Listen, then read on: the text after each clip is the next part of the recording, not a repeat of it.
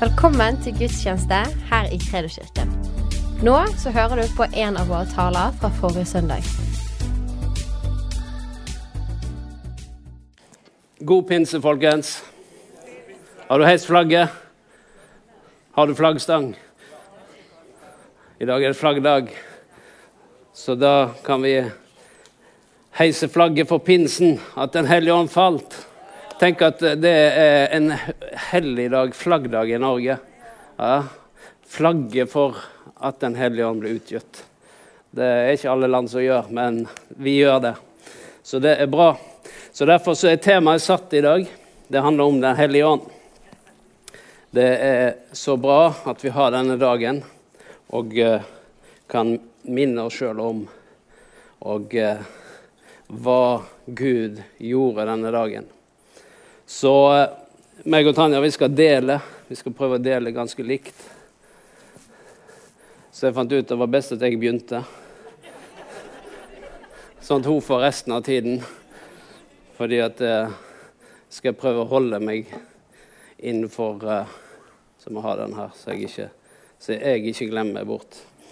Så du vet, når Tanja kommer i farten, så er det bare å kjøre på. Sant? Så da er det bare å feste sikkerhetsbeltet og henge på. Så det er bra. Men eh, jeg har lyst til å lese to vers helt til å begynne med. Og eh, det ene det er fra Lukas 24, 49. Og det andre det er fra Apostelens gjerninger. Men vi leser først i Lukas 24 og vers 49. Se, jeg sender min fars løfte over dere. Men vent i byen, Jerusalem, til dere ble ikledd kraft fra det høye. Og eh, i Apostels gjerninger, kapittel 1, det er Lukas som har skrevet Apostels gjerninger òg, så tar han fram igjen det samme verset. Og da står det slik i kapittel 1 vers 4. Og da han var sammen med dem, befalte han dem å ikke forlate Jerusalem, men å vente på Faderens løfte, det som dere har hørt av meg. For Johannes døpte med vann, men dere skal bli døpt med eller i Den hellige ånd ikke mange dager heretter. Så det vi ser, det er at eh, far han sendte et løfte om at han skulle sende Den hellige ånd. Og så fikk eh, disiplene beskjed om at de skulle vente i Jerusalem. Det står at de, de venter på den øvre salen. står det. Så de skulle vente i Jerusalem inntil eh, dette løftet ble oppfylt. Og så vet vi pinsedagen kom, og Den hellige ånd ble utgitt. Og eh, eh, dette løftet, det ble, eh, ånden ble sendt fra Faderen. Og pinsedagen så fikk vi motta Den hellige ånd. Og eh, det ble et skifte. Det ble et skifte fordi at eh, Den hellige ånd den eh, utrusta til tjenestegjerning. Det var Den hellige ånd som gav oss kraft til å være vitner, står det, ved ånden. Vi fikk ledelse ved ånden, vi fikk en talsmann ved ånden, vi fikk en forsvarer ved ånden. Det står at ånden åpenbarer Jesus for oss. Så plutselig så har vi Den hellige ånd på innsiden som, eh, som eh, er vår hjelper i hverdagen. Og, men det som står her vet Noen ganger så, så snakker vi om at vi må vente på Den hellige ånd. Men ventetiden er over, folkens. Så du slipper å vente på Den hellige ånd lenger. De satt, det var i ti dager de satt og venta. Det var fra Kristi himmelfartsdag, sannsynligvis noe av det siste Jesus sa før han eh, gikk opp. Og så sa han dere skal vente her i ti dager. Men noen ganger så lurer jeg på om vi fremdeles sitter og venter. Venter på Den hellige ånd. Men du vet, når Gud han ga et løfte her, og så står det her at denne her gaven, Den hellige ånd, den er sendt. Den er sendt ifra Faderen. Og eh, når jeg får noe i posten som er sendt fra Faderen, så får jeg sånn hentemelding. Og så står det at du må hente ut denne gaven, denne pakken som er kommet. Og eh, så kan jeg gå rundt og lese på denne lappen og tenke at ja, men jeg, jeg har ikke fått noen gave. Så jeg ringer Faderen for å spørre Jeg har ikke mottatt noen gave. Ja, men jeg har jo gitt deg en hentelapp. Jeg har allerede sendt den. Så hva er det det handler om? Det er at vi må hente ut denne gaven. Vi må aktivere denne gaven som vi har fått. Fordi at Faderen har sendt han. Så det er ikke slik at vi sitter her og venter på at Gud skal utgyte av sin ånd. Han har allerede utgytt av sin ånd. Han sendte den på pinsedagen, og da står det at da ble de alle som var i rommet, fullt, de var 120 stykk, fullt med Den hellige ånd. Og så viste det Det kom som en stormvind, og så viste det seg tunger av ild. Veldig ofte når eh, vi skal symbolisere Den hellige ånd, så ser du en due. Og eh, duen har sin betydning, men når en ble utrusta med kraft, så var det vind og ild. Det var noe kraftfullt som, eh, som vi ble utrusta med på pinsedagen. Så Derfor er det slik at eh, når Jesus ba disiplene om å vente, så var det kun for en tid. Og så sa han nå, når ånden var falt, nå må dere ta i bruk Den hellige ånd. Og det står umiddelbart så ble de fulgt av Den hellige ånd. Og så gikk de ut i Jerusalems gater, og så begynte de å forkynne evangeliet fordi at Den hellige ånd var kommet over dem. Nå er det lett for å tenke, Og så står det at det ble tunger av De talte i nye tunger, som var et tegn på Den hellige ånds dåp. Og eh, eh, nå er det jo sånn at eh, noen ganger så knytter vi Den hellige ånd til en følelse. Eh, men det er en gave. Den, den, kan ha med seg følelser, den kan ha med seg Men da kan vi komme inn i, inn i en, eh, en, tanke at uh, hvis jeg føler for det, så ber jeg litt i tunger. Hvis jeg føler for det, så ber jeg litt. Men det står ingenting at uh, be i tunga når du føler for det. står det det? Men det er lov å be i tunga når du føler for det. Men det er også lov å be i tunga når du ikke føler for det. Og det er kanskje da vi trenger det mest. Fordi Den hellige ånds gave, det er en utrustning. Og tungetale det er ikke bare et tegn, det er, noe mer enn det. Og eh, La oss gå til Johannes 7, 37-39. Johannes kapittel 7.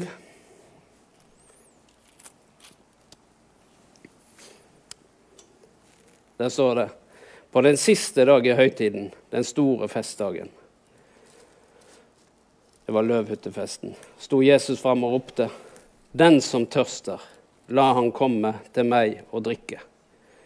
Når han sier det her, så var det her, eh, tradisjonen var følgende. At de gikk ned til Siloadammen.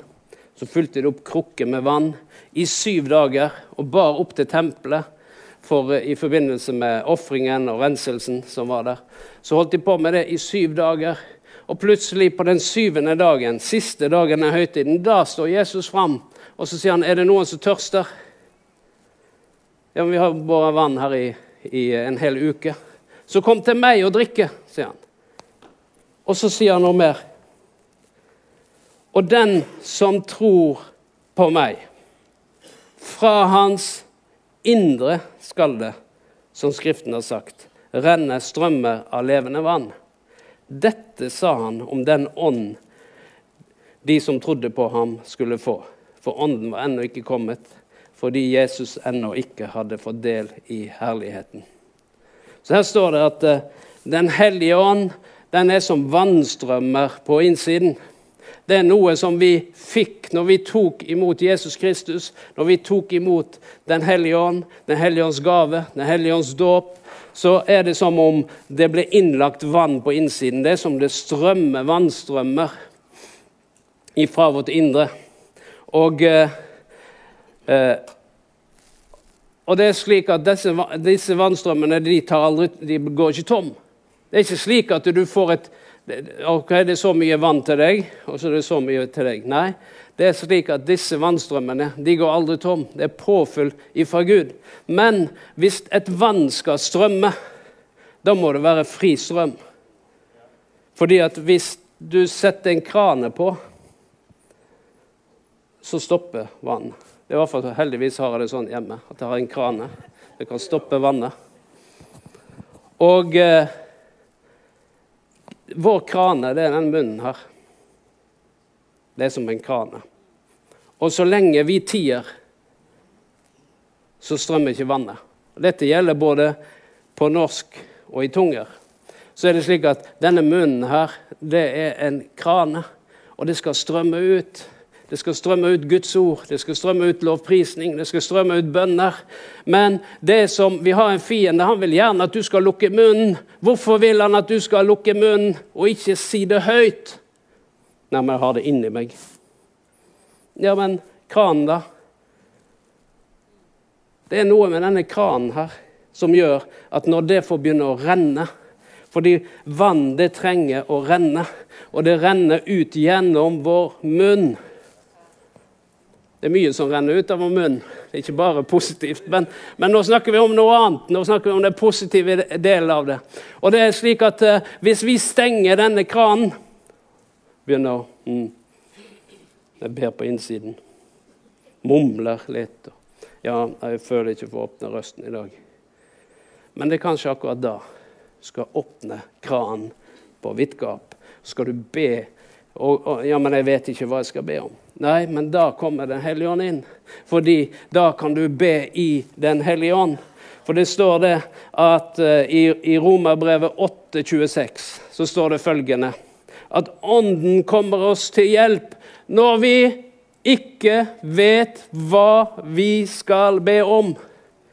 Har du hatt det noen sånn, eh, ganger sånn at du ikke vet hva du skal be om? Jeg har hatt det sånn. Vet du hva jeg gjør da? Da ber jeg i Den hellige ånd. Da ber jeg i tunger. Da lar jeg denne kranen være åpen. Og Det er derfor dette med dåpen i Den hellige ånd den er så viktig.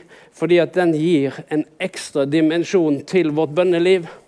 For det er slik at vi på vårt språk noen ganger går tom for ord. Vi vet ikke helt hva, hva vi skal be om.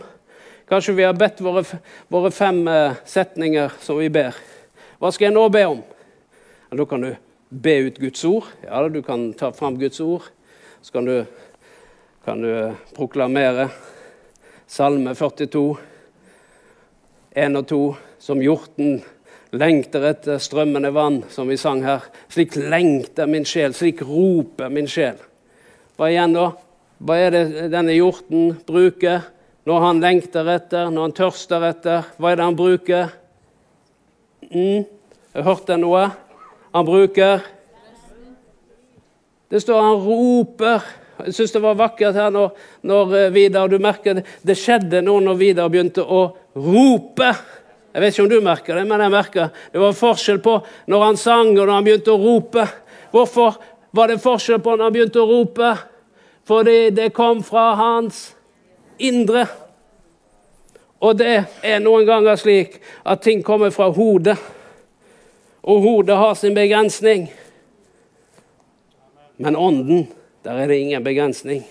Og Derfor er det sånn når vi kobler på Ånden, så begynner vi å rope. Nei, men jeg liker ikke å rope. Nei, men Da er på tide du finner nøkkel til å rope. For det er det Salme 42 lærer oss. Det er at en roper etter en tørst, en lengter etter mer av Gud, så begynner en å rope. Det fins en kraft i det å rope. Noen ganger så har jeg måttet satt meg i bilen fordi jeg måtte rope. Og kanskje skremme naboen. Det som er fint nå, det er at Før i tiden når du gikk rundt på gata og talte i tunger, så trodde folk at du var gal. Men nå går jo alle rundt og prater. Fordi de har sånn headset på, snakker i telefonen og snakker hele tiden. Så nå er det så fint, for nå kan du gå midt gjennom Bergen sentrum og bare be i tunge høyt. Bør ikke rope akkurat der, da. Ikke, der trenger du ikke rope. Men du kan, det er ingen som snur seg og lurer på er han gal. Skulle han vært på en annen plass? Ingen som lurer på det. Men før i tiden da tenker vi oi, han, han der er ikke helt i vater. Liksom. Så derfor så er, det, er, det, så bra. Men det er noe her at det er en hjelp til oss. Så står det i, i 1. Korinterbrev 14, eh, to og utover, der kan du lese om tungetale. Der står det at eh, eh Vi ber hemmeligheter i ånden. Det betyr når vi ber i tunge, så ber vi hemmeligheter i ånden. Og så står det om at eh, bønnelivet Nei, vi oppbygger oss selv, står det. Så når du ber i tunge, så driver du og oppbygger deg selv. Så hvis du er litt nede, og du trenger oppbyggelse, hva gjør du da? Ber i nye tunger. For det står at da oppbygger du deg selv. Og så står det at vi ber med forstanden, og så ber vi med ånden. Vi lovsynger med ånden, og så ber vi med forstanden. Det er en sånn kobling mellom disse to. Så ofte når jeg ber, så ber jeg på norsk, og så går jeg over på tunge. Og så går jeg tilbake på norsk, og så kobler jeg imellom. Og det der flyter helt akkurat som du veksler mellom norsk og engelsk. Så kan du veksle mellom engelsk og tungetale, norsk og tungetale. Det, det, er helt naturlig.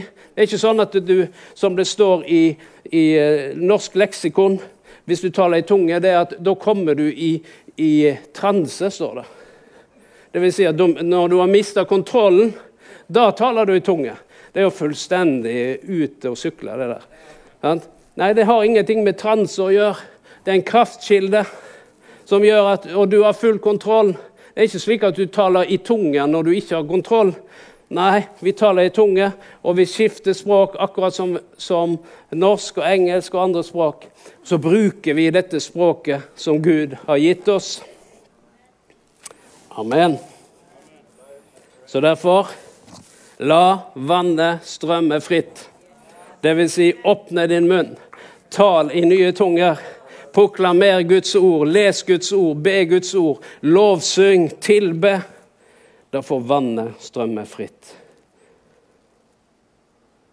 Ja, jeg har ikke tid å ta det. Men jeg må, jeg må ta én ting til før jeg slipper fruen på. Jeg ser at uh, tiden går fort. Men jeg må bare avslutte med Joel, kapittel 2. I Joel 2, vers 23 og 24, så står det slik.: Fry dere, Sions sønner. Gled dere i Herren, deres Gud. For i rettferd gir han dere høstregn. Han sender dere regnskyld, høstregn og vårregn som før.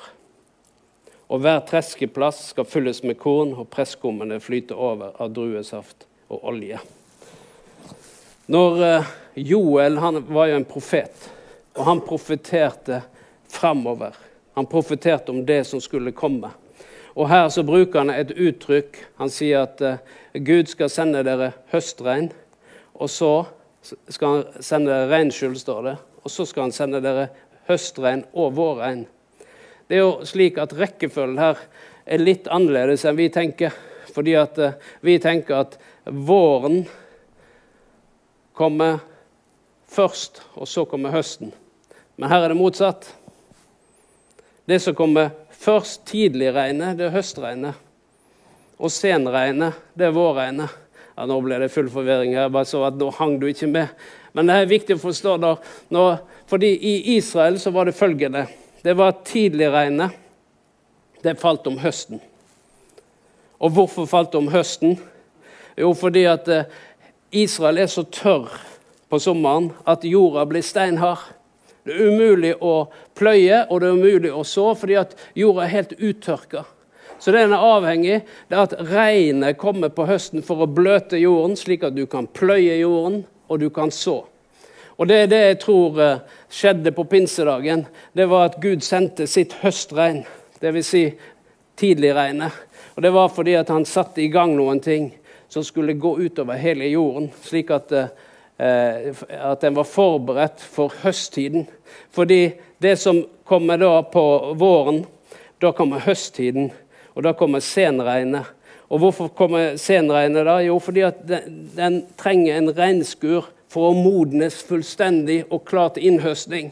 Og da blir treskeplassene fulle av korn. Og Derfor så tenker jeg det, to, det å se det i to deler av dette Det var at det begynte på pinsedagen, men det var en begynnelse. Det var en tid hvor Gud utgytte sitt ånd fordi han vil at så mange som mulig skal bli frelst. Og så kommer det en ny åndsutgytelse. Det kommer et vårregn, et senregn, og i det senregnet da kommer høsten til å samles inn. De siste 120 år så har Den hellige ånd blitt utgitt Det begynte i Azusa Street, det begynte på begynnelsen av 1900-tallet. Eh, vekkelsen i Wales. kom det en åndsutgytelse.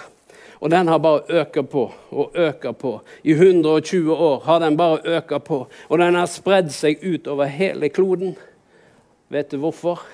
Jo, fordi Gud forbereder på at han skal utgyte over alt kjød. Og Derfor så har denne siste tiden den har begynt. Dette vårregnet det har begynt. Det har regna over en tid nå. Men vi ser så mange tegn i tiden, så jeg tror at vi skal komme inn i en innhøstningstid hvor Gud utgyter av sin ånd. Men mens vi holder på å vente på det, så skal vi tale i nye tunger. Så skal vi be frimodig. Skal vi bruke denne røsten vår? Skal vi tale ut? Og hvis du ikke liker å høre din egen røst, så Tren deg opp til å like det. Bli predikant og hør på din egen preken. Det er det verste du kan gjøre. Du syns jeg snakker så rart. Sant? Så bare ta opp og hør på deg sjøl. Nei, ikke gjør det. Men vær frimodig, bruk røsten din, og tal ut med frimodighet.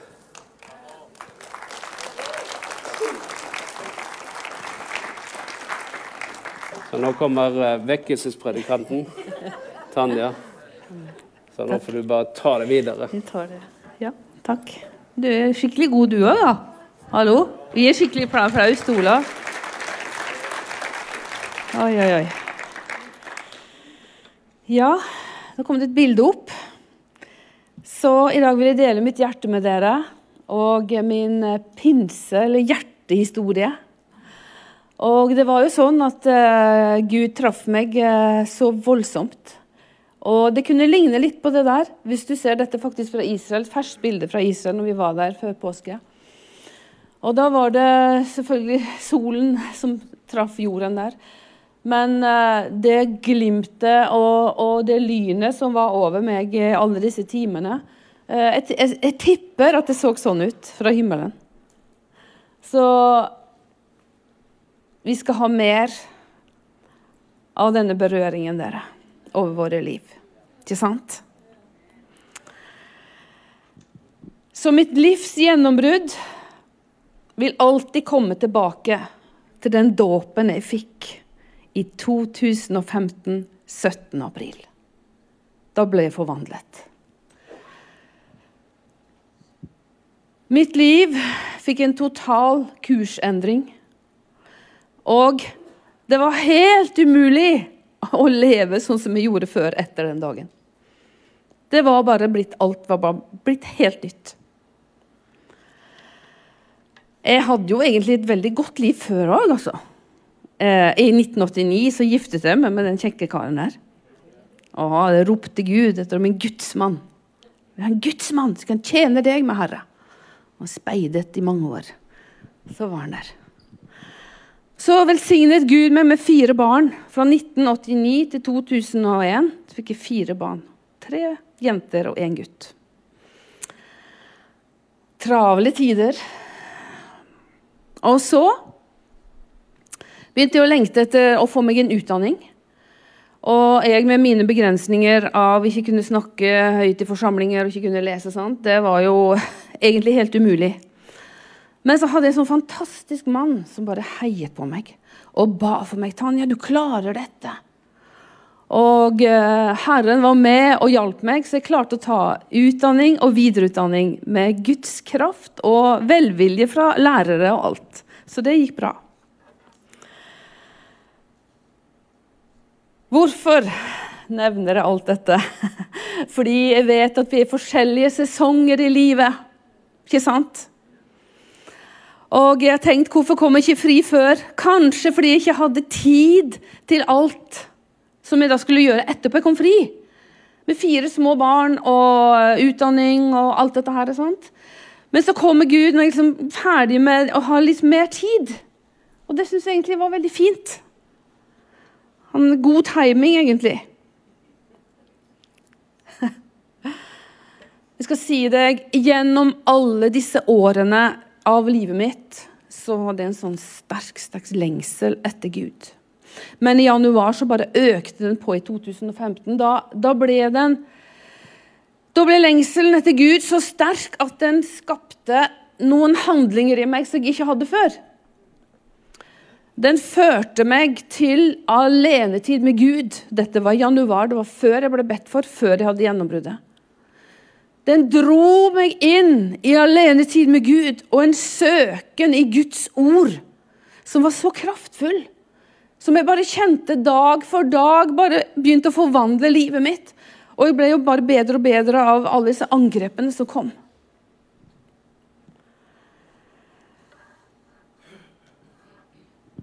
Du vet eh, Den lengselen som jeg hadde gjennom alle disse årene Hvis du tenker liksom, du har lengsel, hvem kan møte den lengselen din?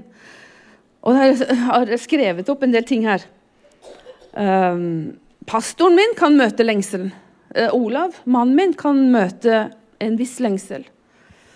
Bøker, kirken, bønn, konferanser, alt kan møte en lengsel.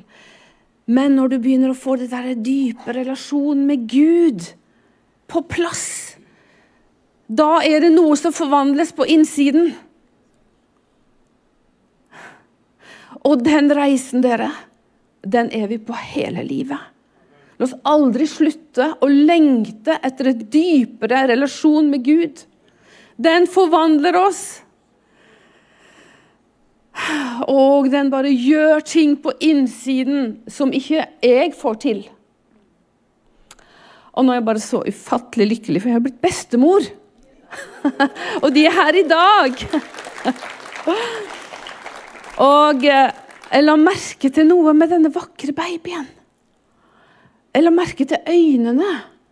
Når øynene som sånn søken. Eh, åpen og liksom sulten. Og når babyen eh, eh, var våken og sulten, og sånt, så drev han ikke og så på seg sjøl. Liksom, skal jeg sjøl få til dette? Nei, Han søker jo til kilden, så gir han mat. Det var Maria. Sant? Den visste jo hvor avhengig denne babyen er. Babyen sjøl visste at den ikke den klarte å finne sin egen kraft, eller, eller trodde på universet, eller, eller alt dette her. Sant? Nei, det var jo Maria som var kilden. Og det samme er det med våre, våre, våre fantastiske kristenliv, dere. Og den kilden som fins i Gud. Det fins ingen sterkere kilde. Det er så sterkt. Og det skjedde med meg, og den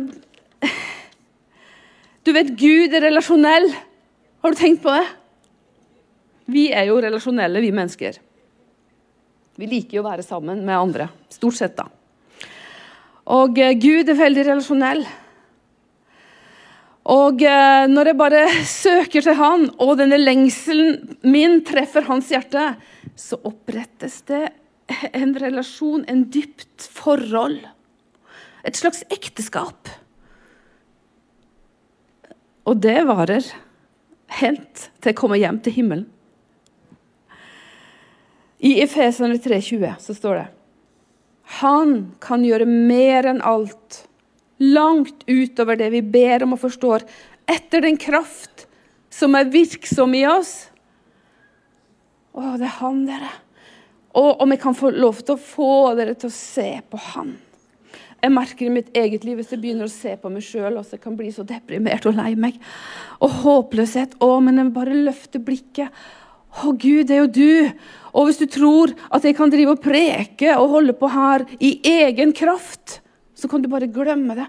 Er så avhengig av Gud hver eneste gang jeg skal stille meg fram. Og hver eneste gang jeg skal gjøre noe, jeg er avhengig av Gud. Fordi vi ikke har ord, vi har liv. Sant? Vi ønsker å dele fra vår ånd. For ånd treffer ånd. Hodet treffer hodet til folk. Men når du drar fra din ånd, og begynner å, å La meg bare få treffe noen med, med, det som Gud har gitt meg. Å, la den ånd her bare øke på, så folk bare, bare å, får kjenne din ånd, Herre. Fordi Den hellige ånd er jo over oss, ikke sant? Og det er bare så ufattelig fantastisk. Eh, Året 2015 ble jo et gjennombrudd for meg, og eh, da hadde jeg som sagt mye mer tid til å søke Gud, for det var mer rolig rundt meg. Det var mye for meg å lære. Selv om jeg hadde levd et langt liv med Gud. Jeg hadde mye å lære. Vet du hva som var den viktigste nøkkelen min for å lære? Bibelen ble min viktigste bok. Vet du hva? Min dypeste relasjonsnøkkel. Hør hva jeg sier. Bibelen var min dypeste relasjonsnøkkel. Så husker jeg sa til Gud en gang på, på hytta så sa jeg, Å, Jesus. Jesus, Kan jeg få se deg? Jeg vil se deg. Jeg vil møte, jeg vil se deg fysisk, Jesus. Så hører en stemme som sier, Tanja, jeg er deg nær i din munn og i ditt hjerte. Ja, selvfølgelig. Jeg vet jo det, Jesus. Men jeg hadde jo bare så lyst til å møte deg igjen. Men så vet jeg nøkkelen til å gå dypt med Gud er i Bibelen. Åh, om du kan bare forstå hvilke skatter som fins i Bibelen. Det er livsforvandlende å begynne å dukke ned i den. De siste ordene som Jesus sa før han gikk til himmelen, var Johannes, Det står i Apostelens gjerninger, kapittel 1, vers 5 og 8. så står det, For Johannes døpte med vann, men dere skal om noen få dager bli døpt med Den hellige ånd. Og vers 8.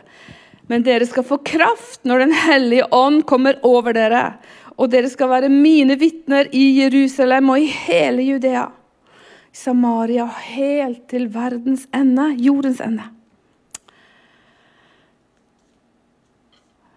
Jesus hadde sagt noe. Hva gjorde disiplene? Han, de bare det leser vi videre, så står det Disiplene holdt sammen og var utholdende i bønn sammen.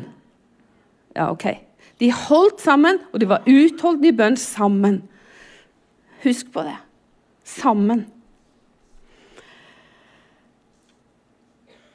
I Apostelens gjerninger 2, vers 1-28 så står det jo om når, når, pinsekraften bare kom og bare fylte rommet, og de ble helt forvandlet. Og de bare gikk ut med en kraft som ikke var av dere selv. Og eh, la oss eh, tenke på det, dere, at eh, når vi skal gjøre noe og prøve å få til noe, altså la oss stoppe opp og tenke Gud, Fyll dette her med din kraft. Gjør noe med Altså, la din kraft fylle dette rommet. La din kraft fylle min arbeidsplass når jeg er der. Min skoleplass når jeg er der. Min familie når jeg er der. La din kraft fylle det. Ta deg tid og søk Gud. La han få tid å fylle deg.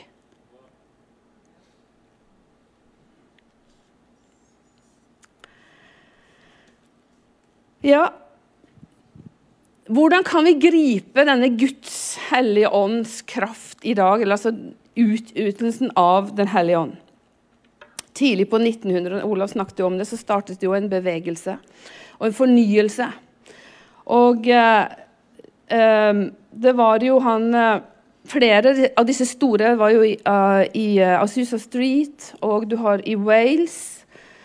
Og det var en pastor som het Alexander Boddy. Alexander Boddy. Han var lederen bak en vekkelse, en av de store lederne i en vekkelse i britisk historie. Han begynte å oppdage at jeg mangler noe. Pastoren. Jeg mangler noe i livet mitt. Han skulle lede mange, men han begynte å merke jeg mangler noe.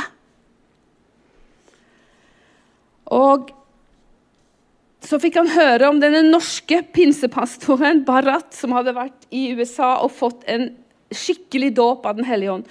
Og jeg har lest dagboken til Barrat når han var i USA. Og eh, Den skulle egentlig nesten alle lest, for det var ikke sånn at han bare sprang fram på et møte, og så fikk han pang. Ja, der har du hånden. Ja, ferdig. Eh, eneste, Han var der mange måneder. Hver eneste kveld omtrent så bare sa Gud, å, rør ved meg med din hellige ånd dåp. Og det var en sånn lengsel i Barat. Han brukte mange måneder på å få dette gjennombruddet sitt. Og det mener ikke at vi skal streve med det, men det er det som jeg tenker litt på, som jeg har grunnet litt på, som jeg bare vil dele med deg, er det at Den hellige ånds dåp er noe hellig. Det er ikke noe lett. Eh, det er ikke bare et klapp på skulderen eller en bønn, men det er noe nytt. Ny, gjennomgripende forvandling i livet. Det var det det var tenkt til. Sånn at når etterpå så var du forvandlet. Du kunne ikke gå tilbake til det gamle livet, men det var noe nytt som brøt fram når du fikk denne dåpen. Så er jo dåpen òg en reise, sant? men det, det, var når han fikk dette voldsomme gjennombruddet, mange måneder måtte han søke, så kommer han hjem til Norge, så har han med seg denne pinsekraften. Så bryter det ut vekkelse i Oslo, og, og han begynner å be for Norge og Europa. Så da blir det sånn Tenker jeg bare på meg sjøl, eller tenker jeg litt lenger? Hva gir meg kraft til meg sjøl, Gud? Så jeg kan klare meg og meg og meg? Nei, la oss utvide hjertene, sånn at vi tenker lenger enn oss sjøl.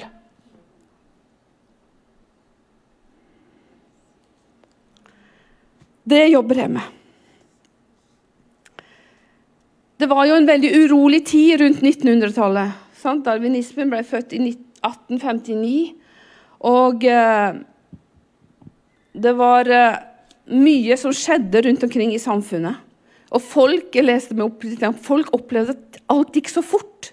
Akkurat sånn som vi opplever nå. ikke sant? Og Det var jo første verdenskrig, og så hadde du jo pandemien med spanskesyken det var mange, mange ting som bare Og så kommer Gud med sin kraft før både pandemien og spanskesyken. For det var helt i begynnelsen av 1900-tallet at Guds ånd ble utgitt. Så han visste det, Herren, at jeg må bare utruste mitt folk, for nå kommer det noe over jorden som blir veldig vanskelig. Første verdenskrig og pandemien. De to etter hverandre. Det var vanskelige tider. Hvilke tider er vi i nå, da? Mm. Ja, vi har vært i pandemi. Og vi har krigen i Ukraina. Og det snakkes om en verdenskrig. Hvem vet? Gud alene vet det. Men hva bør vi gjøre? Å, vi behøver søke Gud ikke sant? med våre liv og få den kraften, den gjennombruddskraften som forvandler oss.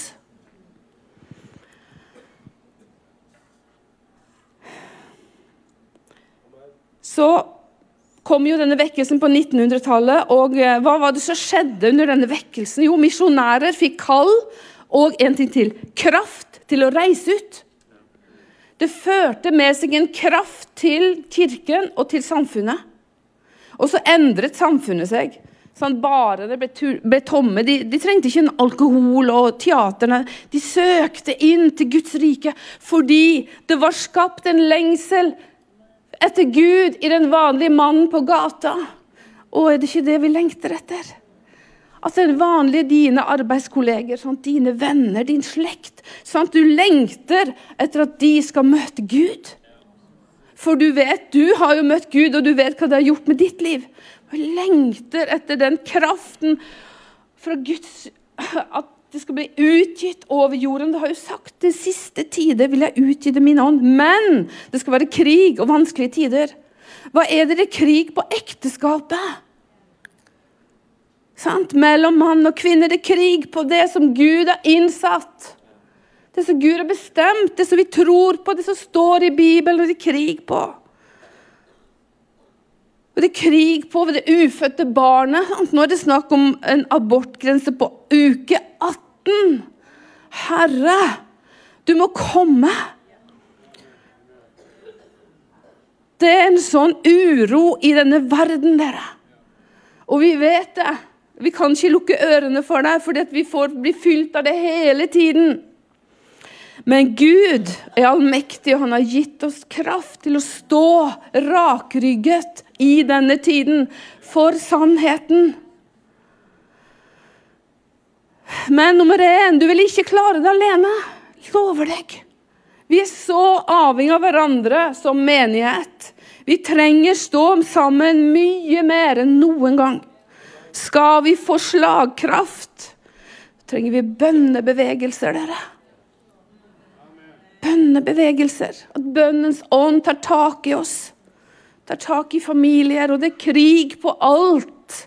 Skal love deg må kjempe for alt, for at du skal bare ah, Fordi fienden hater at Guds folk reiser seg og begynner å søke etter levende livet.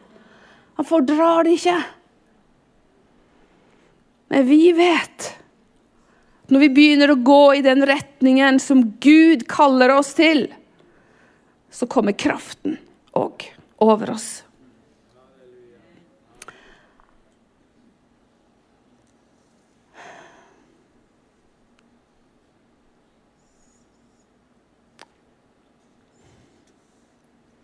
Himmelen traff jorden på 1900-tallet.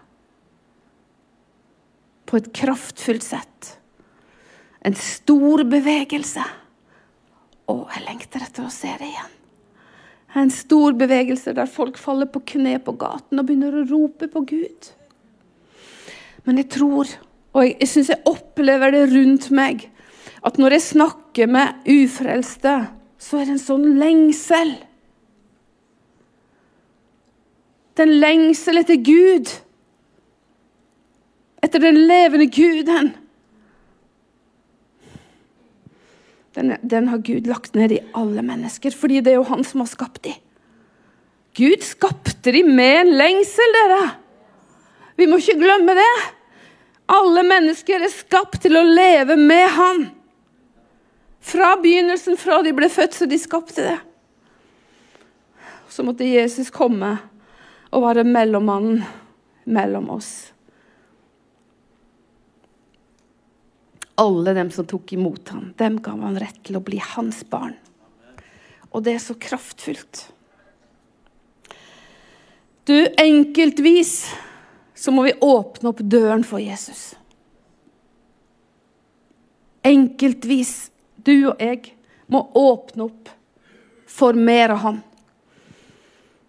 Vi kan ikke bare strømme med en strøm og tenke at ja, men eh, kom Gud hvis du vil. Jeg er her, jeg. Gjør som du vil med meg. Nei, det må en aktiv handling til. Og om du ikke kjenner at du har lengsel etter mer, eller lengsel etter Den hellige ånd, om du kjenner at den ikke er der, så begynn å be om å få den, da. Begynn å lengte etter, begynn å lese vekkelseshistorie. Begynn å lese det som Gud har tenkt å gjøre. Begynn å, å fylle deg opp med disse tingene. Så skal jeg love deg at du kommer til å bare bli møtt av Gud kraftfullt.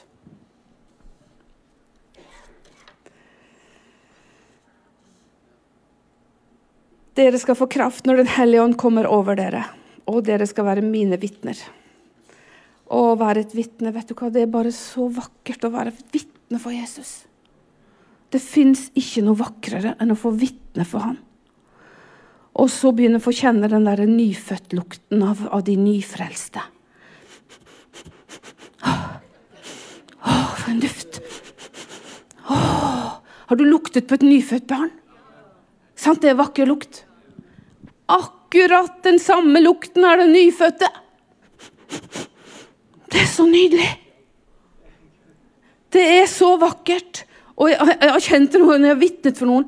Det er noen sånn der glede her som ingen mennesker kan gi meg. Og du kan få gi meg Olav kan gi meg så masse gaver og alt sånt. Men den, den, der, den der gaven som jeg får når jeg vitner for de nyfrelste, når jeg kjenner at det når inn til de, å, å Gud, altså. Det er bare så vakkert. Begynn å sniffe rundt deg. Er de her, de nyfrelste? De som du skal nå? Hvor er de hen? De som er rundt deg. Hvor er de? Du har noen. Gud har tenkt det. Du skal nå de med Guds kjærlighet. Å, det er det vakreste som fins. Begynner evangelisten her. Du, mer enn noen gang så trenger verden vår tro. Mer enn noen gang så trenger de vårt håp.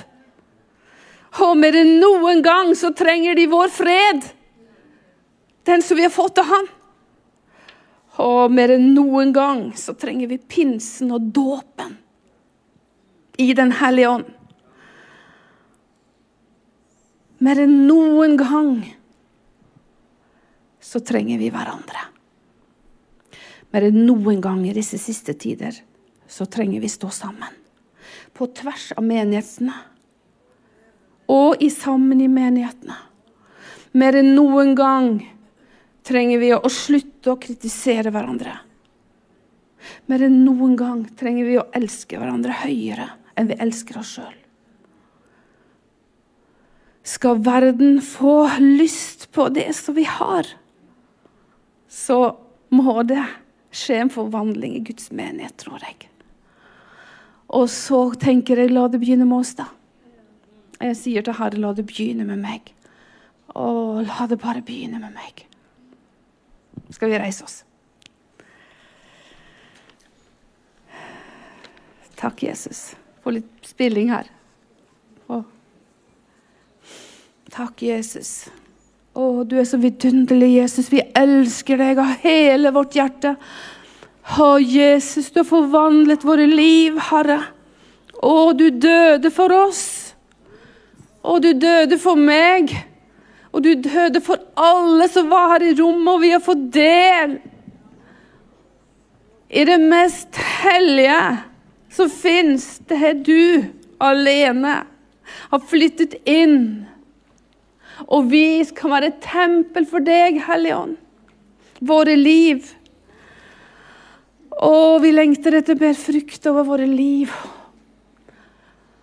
Og takk, Herre, for vi skal slippe å se på oss sjøl. Og jeg er så glad for det. Jeg skal få slippe å se på mine egne begrensninger. Alt som jeg kan streve med. Jeg rister det av meg. Jeg vil være som det nyfødte barnet som søker der de vet det er melk, hvor det er det eneste som gjør vekst. Du ser jo hvilken vrangforestilling det blir hvis et barn skal begynne å se på seg sjøl og skal mate seg sjøl. Det går jo ikke. Å, rist av deg begrensningene som du sjøl har lagt på deg. Og la Den hellige ånd få komme til i ditt liv.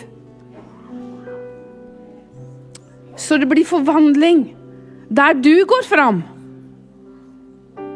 Så det blir forvandling rundt deg, i din familie. På din arbeidsplass. Du skinner på arbeidsplassen din. Du skinner der. Bare ikke glem det. For du skinner. Og jeg ber om en bevissthet, far, om at det lyset, Herre, som stråler ut fra de som tror, Herre. Og gi oss en bevissthet, far, at vi bærer med deg ditt nær, bærer med oss ditt nærvær, Herre. Til en berøring, Herre, av en verden i kaos, Herre. I krig, Herre. Og elendighet, far.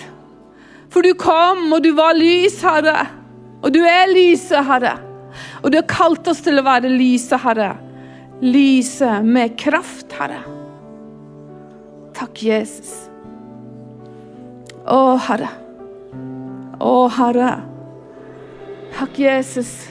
Å, når jeg bare ser utover dere nå, så jeg bare jeg ser sånn potensial i hver eneste en. Vet du hva? Det er sånn vekstpotensial i oss når vi bare gir opp vårt eget strev. Du aner ikke hvor mye jeg har strevd. Jeg vet hva jeg snakker om.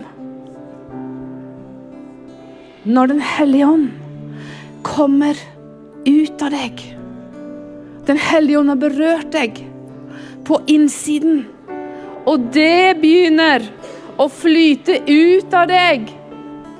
Da forvandles dine omgivelser. Da forvandles du først og fremst, og så omgivelsene forvandles. Å, vi behøver det her. Skal vi strekke oss bare å tilbe den som har gitt oss alt. Som ikke har holdt tilbake noen ting. Takk, Herre. Åh. Så vi bare tilber litt nå. Og så bare bestemmer du deg for å glemme alt som ligger bak. Ha, glem dine feiltrinn. Glem alt. Å, vi bare legger det bak oss. Og så bare lengter du etter den levende melken, akkurat som det barnet. Søk etter det levende, ekte. Og ikke glem å lese Bibelen.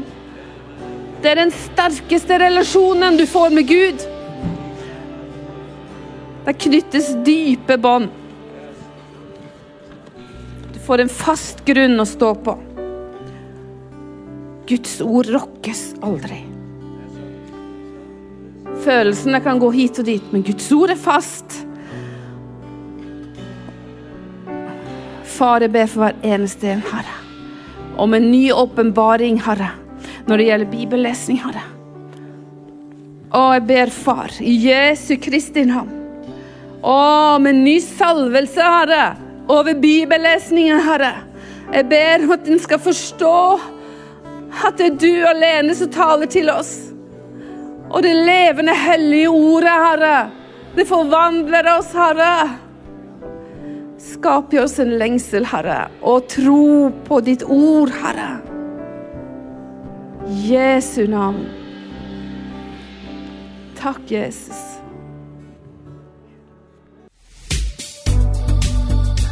Tusen takk for at du lyttet. Følg oss gjerne på Instagram og Facebook, og så snakkes vi neste uke.